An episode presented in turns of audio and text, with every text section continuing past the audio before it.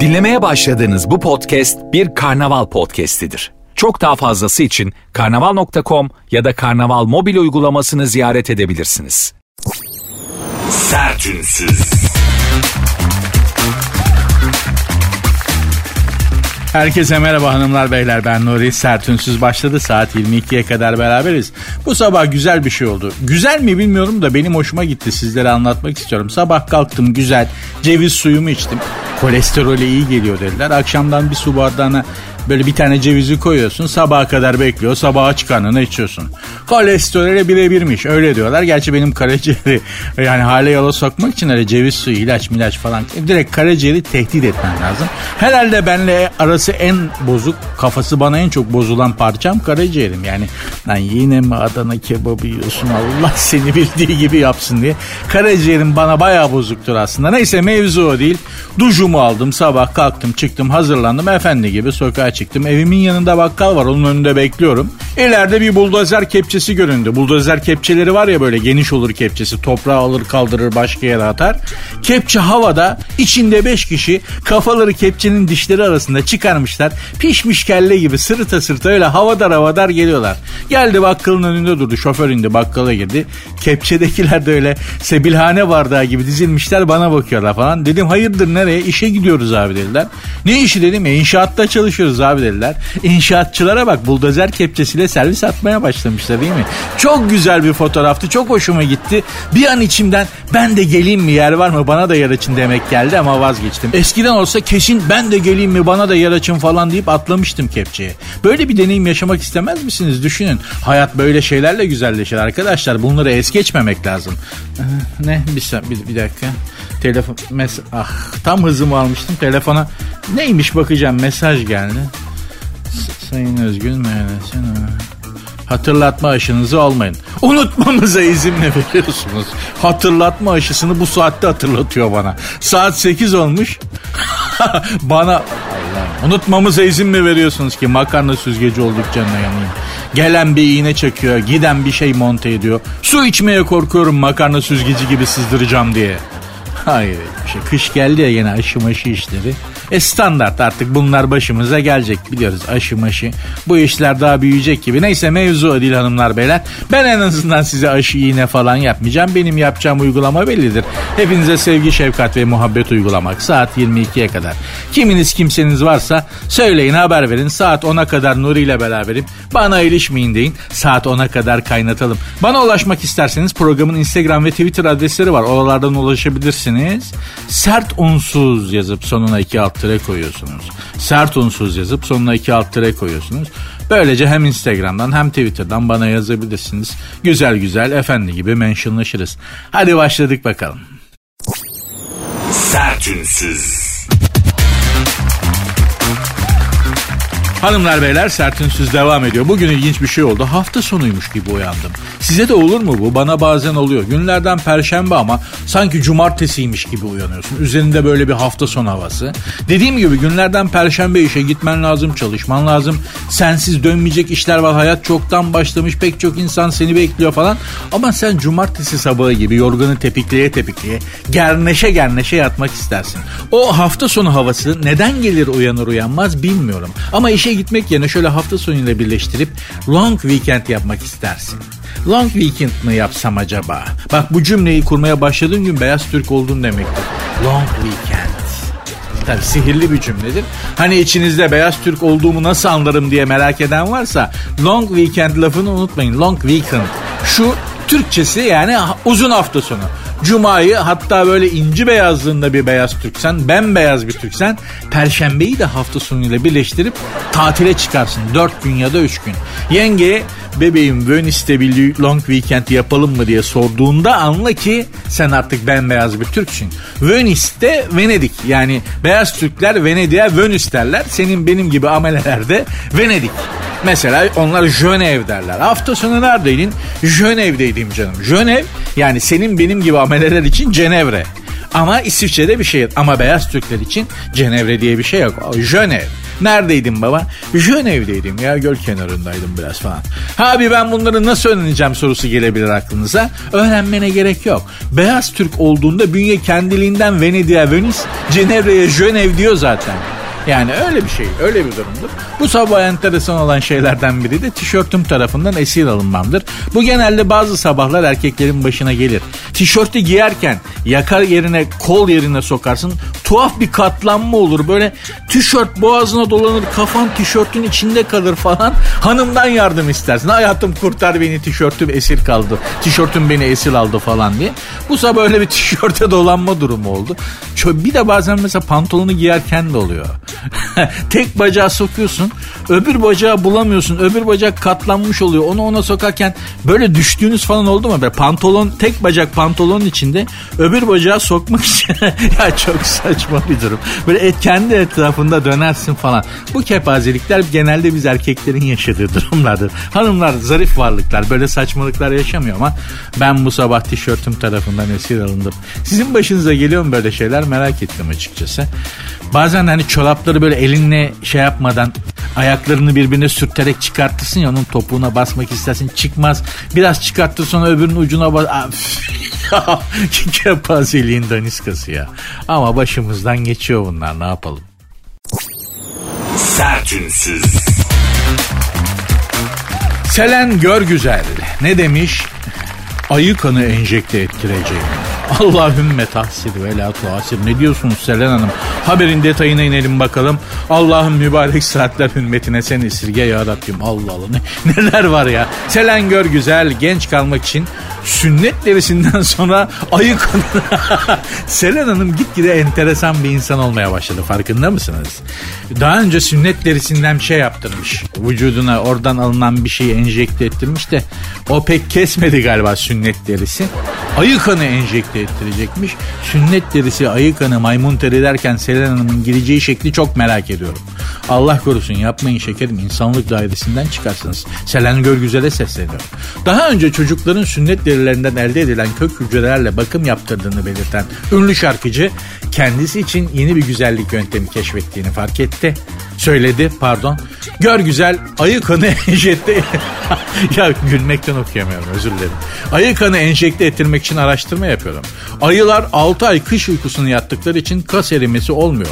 Ve araştırmalar sonucu insanlara ayı kanının faydalı olduğu açıklandı. Şimdi nerede yapılıyor araştırıyorum yaptıracağım. Kas ve kemik yapısına ayı kanı iyi geliyormuş. Hayırlısıyla enjekte ettireceğim kendime diye konuşmuş. Ama Şuradan da şunu da dikkatinizi çekmek isterim Selen Hanımcığım. Ayı kanı enjekte ettirmek biraz da ayının huyunu almak demektir. Selen Hanımcığım. Bir de ne derler? Ne yersen ona dönüşürsün. Gerçi ben ayı kanı enjekte ettirmedim ama ayı eti yedim. Nordiklerde. Ne yersen ona dönersin dedikten sonra ben ayı eti yedim demem de biraz garip oldu ama yani yedim derken ayı etinden bir çatal aldım arkadaşlar. Biliyorsunuz Nordik ülkelerde yani Kuzey Avrupa ülkelerinde ayı eti yeniyor. Bizdeki dana eti gibi bir şey bir çatal aldım. Bize gelmez açık söyleyeyim yani tadını söylüyorum. Bize uymaz. Ekşi, sert. Timsah etinin de vaktiyle tadına bakmıştık. Onda da tavuk notaları var. Tavuk etini çağrıştırıyor. Arkadaşlar dünyadaki kalbur üstü her mutfağı denedim. Zeytin ekmek, soğan cücüğünün yerini tutabilecek bir yemek ben görmedim. Halen de göremiyorum. Yani Paris'te iki Michelin yıldızlı şeflerin yerinde de yedik. Londra'da kimselerin yere göğe koyamadığı Hakasan diye bir yer var orada da yedik. Japonu, Çinlisi, Rusu, Moğol mutfağı, Afrikası, Hindistan'ı, Amerikan T-bone'u falan filan. Ya dediğim gibi kalbur üstü mutfakların hemen hemen hepsinin tadına bakmış bir kardeşiniz olarak konuşuyorum. Söylüyorum inan itimat et. En güzel tağım, en güzel yemek zeytin ekmek soğan cücüğü. Yalnız zeytin tam yağlı etli zeytin olacak. Bu üçlemede sele zeytini çok volümlü olmuyor çünkü. Bir de sıcak ekmek. Ekmek sıcak olacak çıtır çıtır. Soğan da tatlı beyaz soğan olacak onun da cücüğünü yiyeceksin. O vakit bu üçlü saat gibi gider. Zeytin ekmek, soğan cücüğü candır. Ben bunun daha üstünü görmedim. Gören varsa da bana yazsın. Ben de öğreneyim hanımlar beyler programın Instagram ve Twitter adresleri zaten aynı. Sert unsuz yazıp sonuna iki alt koyuyorsunuz. Benim Instagram adresim de Nuri Ozgul 2021. Sertünsüz. İngiltere Kralı 3. Charles'ın taç giyme töreninin tarihi belli olmuş. Charles'ın taç giyme töreni 6 Mayıs 2023. Uu, daha adam bir türlü kral olamıyor ya. 6 Mayıs 2023'te yapılacakmış be kardeşim. Kaç ay var? Kasım, Aralık, Ocak, Şubat, Mart. 5 ay daha var ya. Ne bekletiyorsunuz? Kadın ölmüş, anası ölmüş. Adamın yerine ortak olabilecek başka biri yok. Oturtun, koyun kafasına tacı, verin eline asasını, yürüsün gitsin adam mesaisine baksın ya. Bir saat sürecekmiş kral taç giyme töreni. Giydirmişler. Burada da fotoğrafı var. Giydirmişler, süslemişler şıkır şıkır. Eline de bir tane pullu payetli boncuklu kılıç vermişler. Adam kral mı oluyor, sünnet mi oluyor belli değil ya. Yeminle benim sünnet kıyafetim şu Charles'ınkinden daha jantiydi. Böyle pelerinli, asallı, sorguçlu falan. Aslında var ya bu İngiltere'ye kral olacak adam bendim. Ben İngiltere kralı olsaydım var ya pe, sen o zaman gör dünyayı. Her yere bulaşırdım, herkese sataşırdım. Bugünleri bu dünya mumla arardı. Joe Biden'a pisleşirdim mesela. Yani düşün ben İngiltere kralıyım. Joe, ilk Joe Biden'a pisleşirdim. Casus tutardım.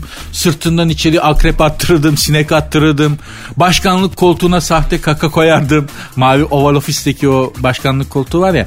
Sahte kaka var ya şaka ürünleri. Ondan koyardım. Her türlü pisleşirdim. Yani gerçi Amerika'ya karşı tutum olarak da başkanın koltuğuna sahte kaka koydurmak dışında aklıma başka bir şey gelmemesi de benden pek kral mural devlet adamı olmayacağının sağlam bir belirtisidir değil mi? Ama eğlenirdik be. Valla dünya olarak çok eğlenirdik hep ben. Çok eğlendirdim. Hem kendim eğlenirdim İngiltere kralı olarak hem de dünyayı çok eğlendirdim. Makara yapardık biraz. Bakıyorsun bu adamlar nursuz, suratsız, bir karışta evet evet.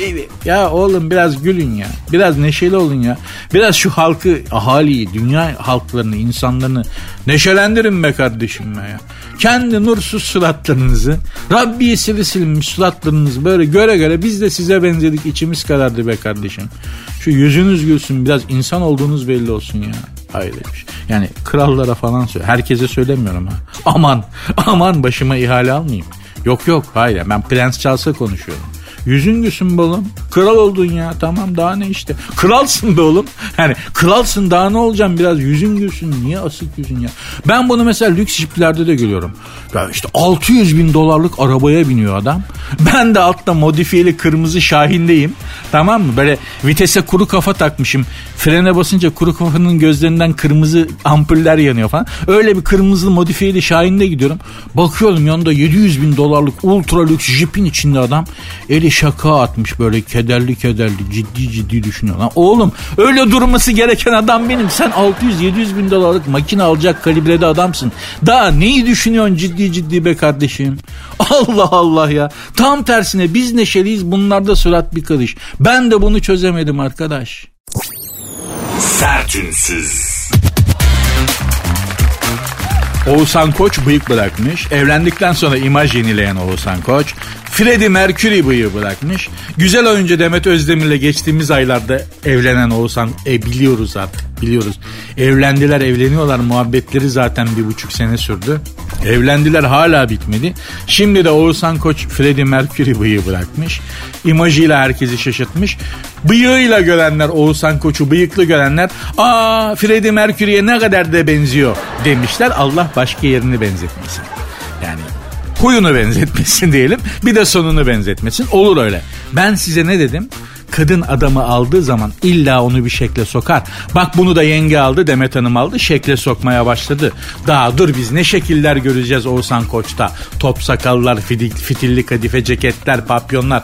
Hani var ya köpek sürüsü saldırmış gibi lime lime yırtık kotlar falan. Her erkek aynı zamanda hayatındaki kadının prova mankenidir. Hani terzilerin üstünde elbise diktikleri manken var ya ona prova mankeni deniyor değil mi? Ben öyle biliyorum. Heh işte her erkek hayatındaki kadın için odur.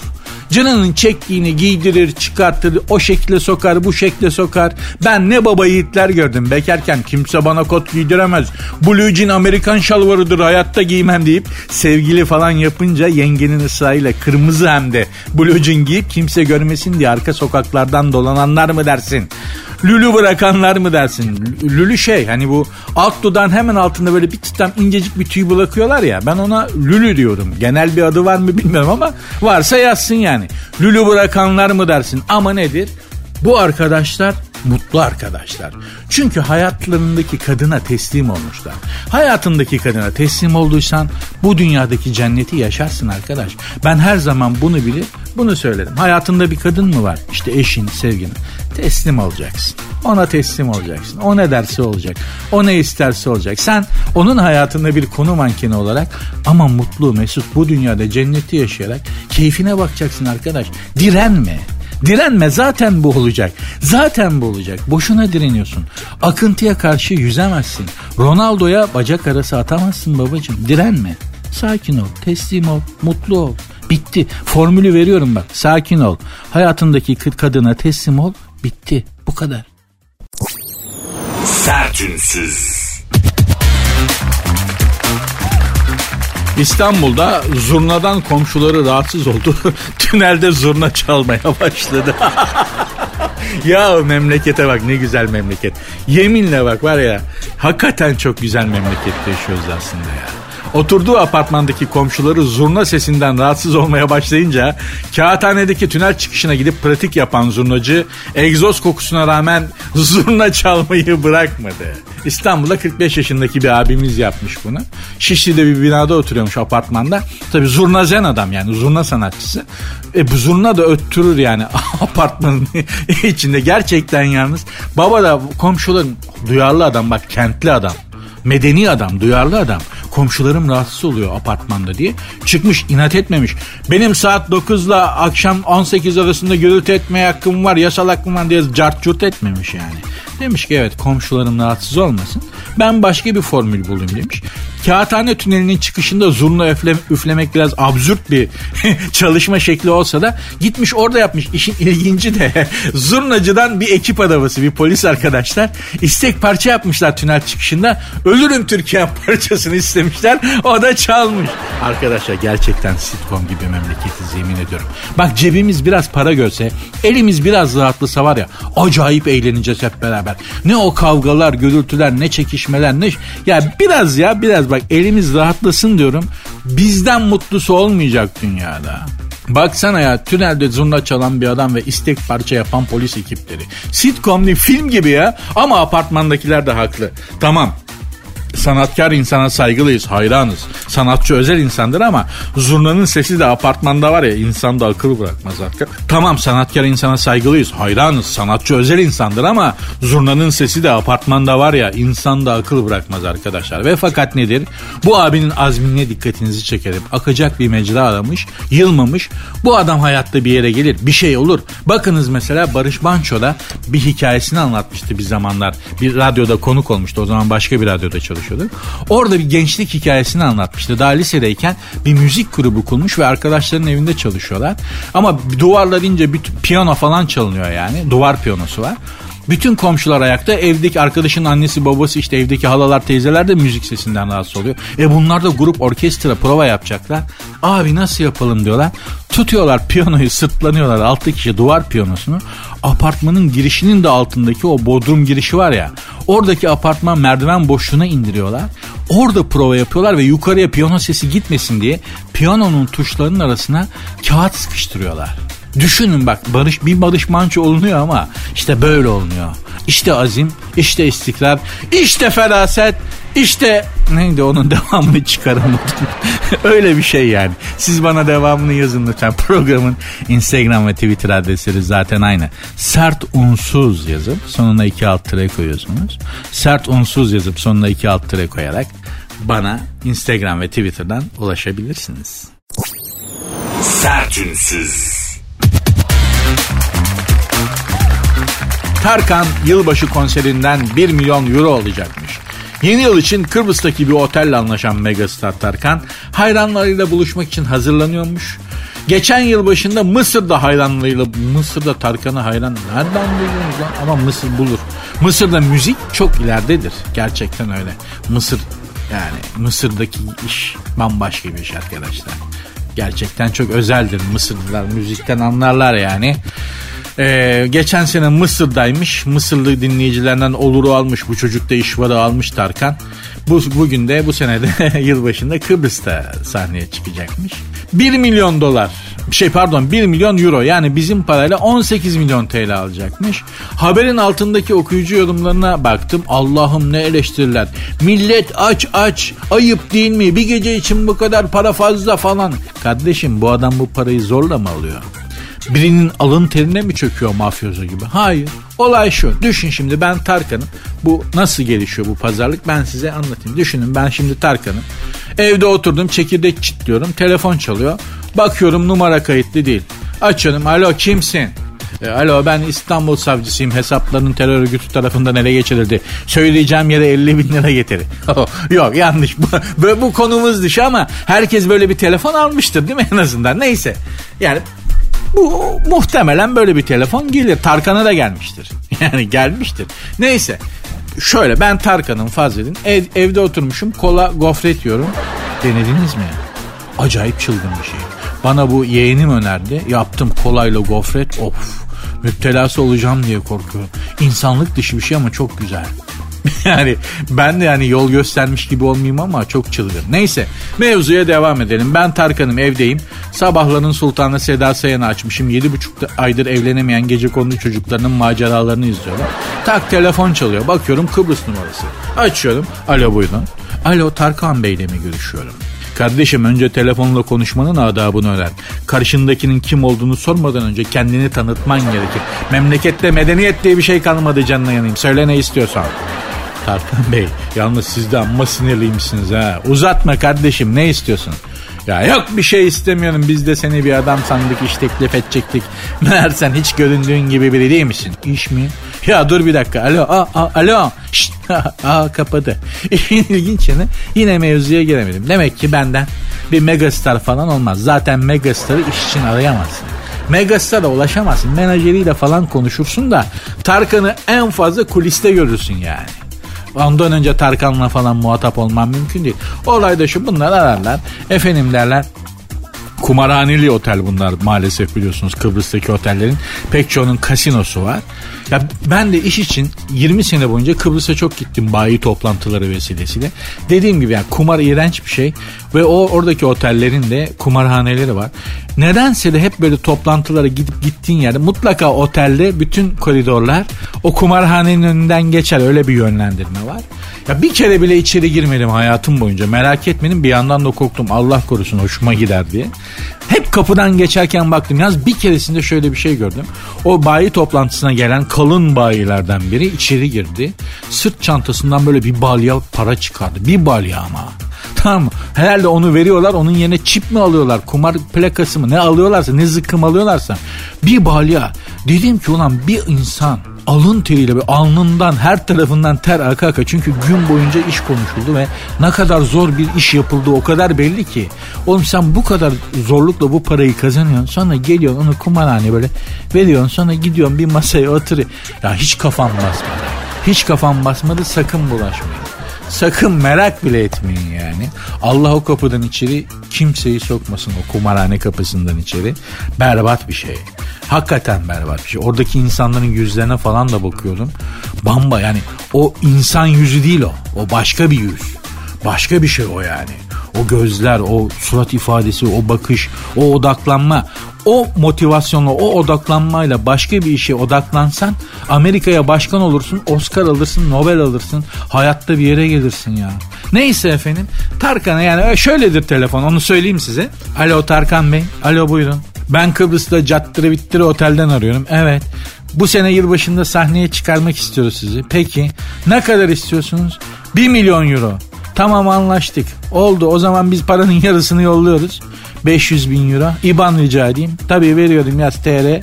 Bu. Bu kadar abi. Bitti. Zaten o kumarhane dediğin meret yer o parayı herhalde bir cumartesi gününde kaldırıyordur fazla fazla yani. Bu işler Tarkan'a da hayırlı uğurlu olsun. Güzel. Bir gecede 18 milyon TL. Güzel para. Allah daha çok versin. Gözümüz yok. Hayır var. Yani var derken biz de hani bir gecede 18 milyon euro kazanmak isterdik şimdi. Niye yalan söyleyelim kardeşim? Sertünsüz. İrem Delici yine aşık oldu. Bir süredir hayatına kimseyi almayan İrem Delici'den aşk açıklaması geldi. Ben şu anki bağlılığımı nasıl bırakacağım? Bir ilişkiye başlarken hep kafasında bu soru varmış. Mesela buraya oturuyorum ya o da oturdu buraya diyorum. Aklım, mantığım, zekam hepsi bir kutuda ve anahtarı bende değil. Çok korkuyorum çünkü kontrolüm yok. Ay bilmiyorum bittim demişti Cem Belevi için. Şimdi de Cem Belevi'yi unutmuş. Demek ki bitmiş yeniden başlamış dolmuş. İstihap haddi dolunca bir daha aşık olmuş. Bu sefer de at gibi aşığım ama hiç çaktırmıyorum süperim diye karşındaki de ayı gibi seviyorsa 100 yılın aşkı olur. Sen at karşındaki ayı. Düşünsene aşkın büyüklüğünü. Zaten ne demişler?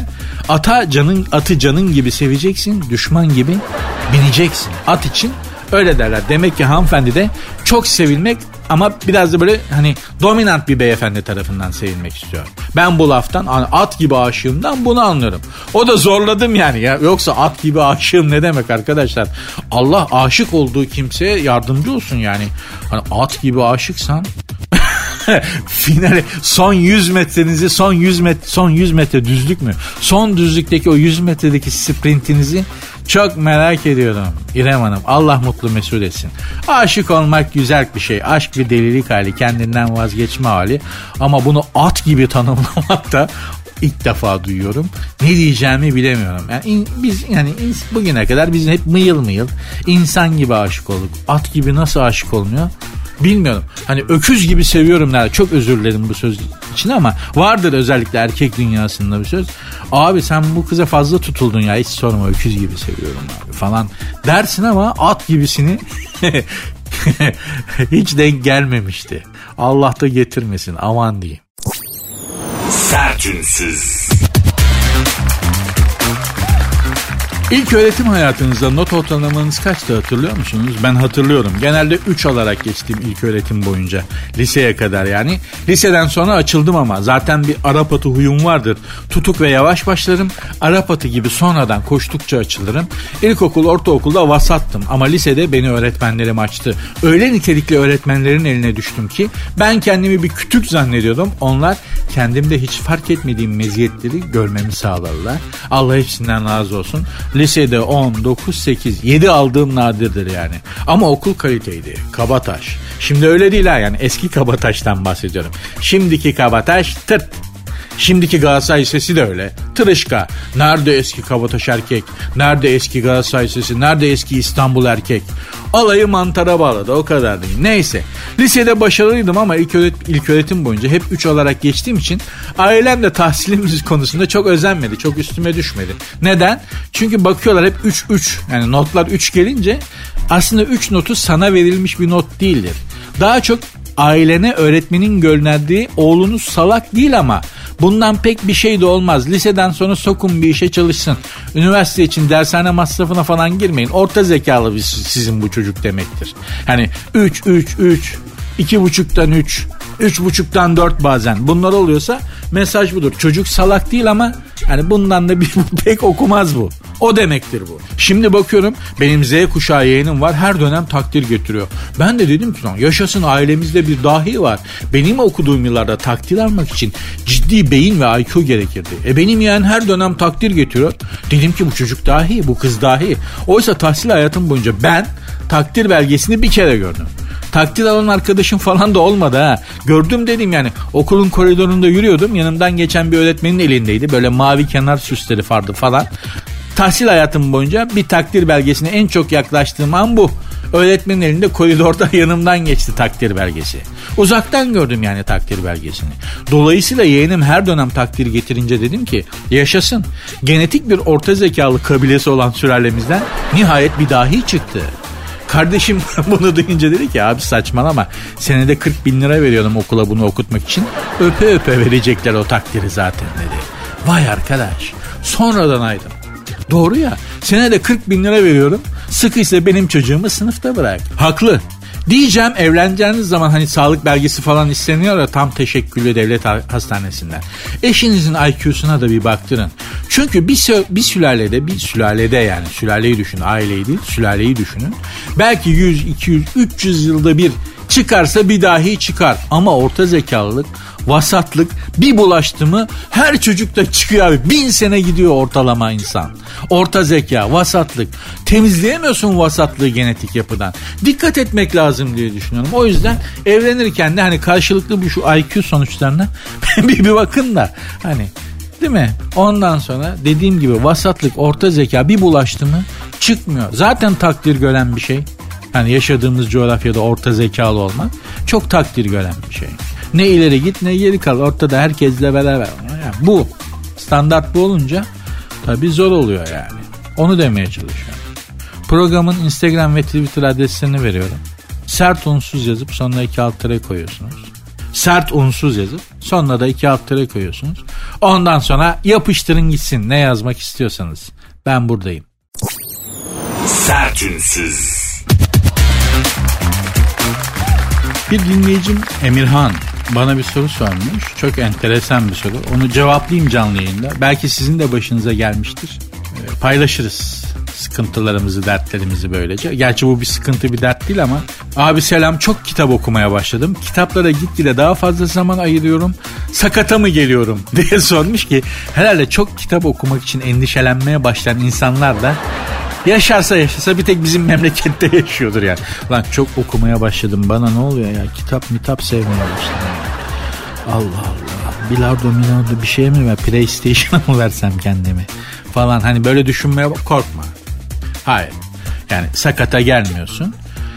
Sana Mark Twain'in bir sözünü hatırlatmak isterim kardeşim. Kitaplar başka bir yerde olmayı dileyen insanlar içindir der Mark Twain. Kitaplar başka bir yerde olmayı dileyen insanlar içindir der.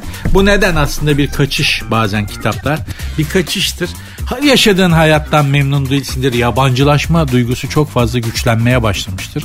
Ne işim var lan benim burada falan diye böyle sor, durup durup böyle anlamsız anlamsız iş yerindeyken ve evdeyken falan böyle karına çocuklarına bakarsın ya da kocana çocuklarına. Ne işim var lan benim burada? Niye evlendim ben bunu? Aa bu çocuklar falan diye. Bir anda böyle bambaşka biri gibi görmeye başlarsın kendi hayatını. Nostalji de böyledir. İnsan nostalji ah eskiden neydi falan. Az önce dedim ya nerede eski Kabataş erkeklisi nerede eski Galatasaray sisi onlar eskiden de falan diye. İşte bu yaşadığın hayattan ve günlerden memnun olmayınca ya kendini kitaplara verirsin ya da böyle nostaljiyle maziyi yad edersin. Mazi de hep böyle e, zaman geçmişe, geçmiş günlere böyle bir affetme büyüsü, bir tozu serper. Sanki geçmiş günler hep çok güzel, hiç kötü bir şey yaşamamışsın gibi gelir.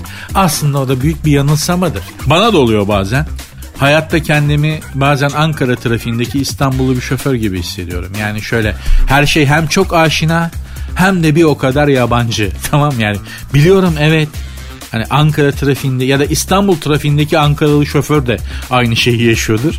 Hani Evet yani bu tamam az çok biliyorum ama burada olan şeylerin hiçbiri normalde olması gerektiği gibi olmuyor. Ben bir kere Ankara'da araba sürdüm. Zor kaçtım. Zor indim arabadan. Yani İstanbul'da araba süren biri olarak Ankara'da başaramadım abi. Onun kendi bir evreni, kendi dünyası, kendi retoriği, kendi ahlakı, kendi felsefesi var Ankara trafiğini. Bak yurt dışında her yerde araba sürdüm. Gittiğim her yerde araba kullandım. Hiç zorlanmadım. Hiç ama. Ama Ankara'da abi yok yapamayacağım beyler kusura bakmayın deyip hemen ilk saat çekip indim. Eminim Ankara'da İstanbul arabası süren Ankaralı şoförler de öyle garip garip tuhaf tuhaf şeyler olduğunu düşünüyorlardır. Buranın da kendine göre bir raconu, jargonu ve felsefesi var. Aslında normalde olan ne? Trafiğin kuralları dünyanın her yerinde aynı. Buna uyarsan dünyanın her yerinde araba kullan... Bizde öyle değil. Bizde öyle çalışmıyor. Ankara'nın raconu ayrı trafikte, İzmir'in raconu ayrı, İstanbul'unki ayrı. Samsun'a git orada apayrı. Diyarbakır'a git bambaşka. Bizde de şehre göre karakteristik hani şive gibi. Trafik de öyle. Hani nasıl bizde hemen hemen her şehrin şivesi var. Her şehrin de kendine göre bir trafik raconu var. Orada ee, yani sen yapamam çalışman lazım. Dolayısıyla da hayatta da işte bazen böyle oluyor. Yabancı bir şehirde başka bir şehrin trafiğin içine düşmüş gibi kendini garip hissediyorsun. O zaman da kaçacak bir şey bir yer arıyorsun. İşte bu nostalji oluyor. Bizde kitap oluyor bak mesela bende de öyle arkadaşta da öyle olmuş. Çok kitap okumaya başladım bana ne olacak diye bir şey olmayacak. Kulübe hoş geldin. e, fark etmeye başlamışsın etrafındaki saçmalıkları. Hayatın farkına varmaya başlamışsın. Düşünmeye, yorumlamaya ve analiz etmeye başlamışsın. Allah yardımcın olsun. Hiç düşünmeden at gözlüklerini takarak yaşasan iyiydi. Mutsuz olmazdın ama bir kere uyanmışsın işe. Allah yardımcın olsun ne diyeyim. Allah hepimizin yardımcısı olsun. Zor günlerden geçiyoruz. Neyse mevzu o değil mevzu şu program bugünlük bitti. Ben gidiyorum. İnşallah güzel keyifli bir iki saat geçirmişsinizdir. Bunu yaptıysam bugünkü yemeğimi hak ettim demektir. Bunun mutluluğu da bana yeter hanımlar beyler. Programın Instagram ve Twitter adresini hatırlatarak size veda edeyim. Sert unsuz yazıp sonuna iki alt tere koyuyorsunuz sert unsuz yazıp sonuna iki alt tere koyuyorsunuz. Hem Instagram'dan hem Twitter'dan bana böylece ulaşabilirsiniz. Görüşmek üzere. Dinlemiş olduğunuz bu podcast bir karnaval podcastidir. Çok daha fazlası için karnaval.com ya da karnaval mobil uygulamasını ziyaret edebilirsiniz.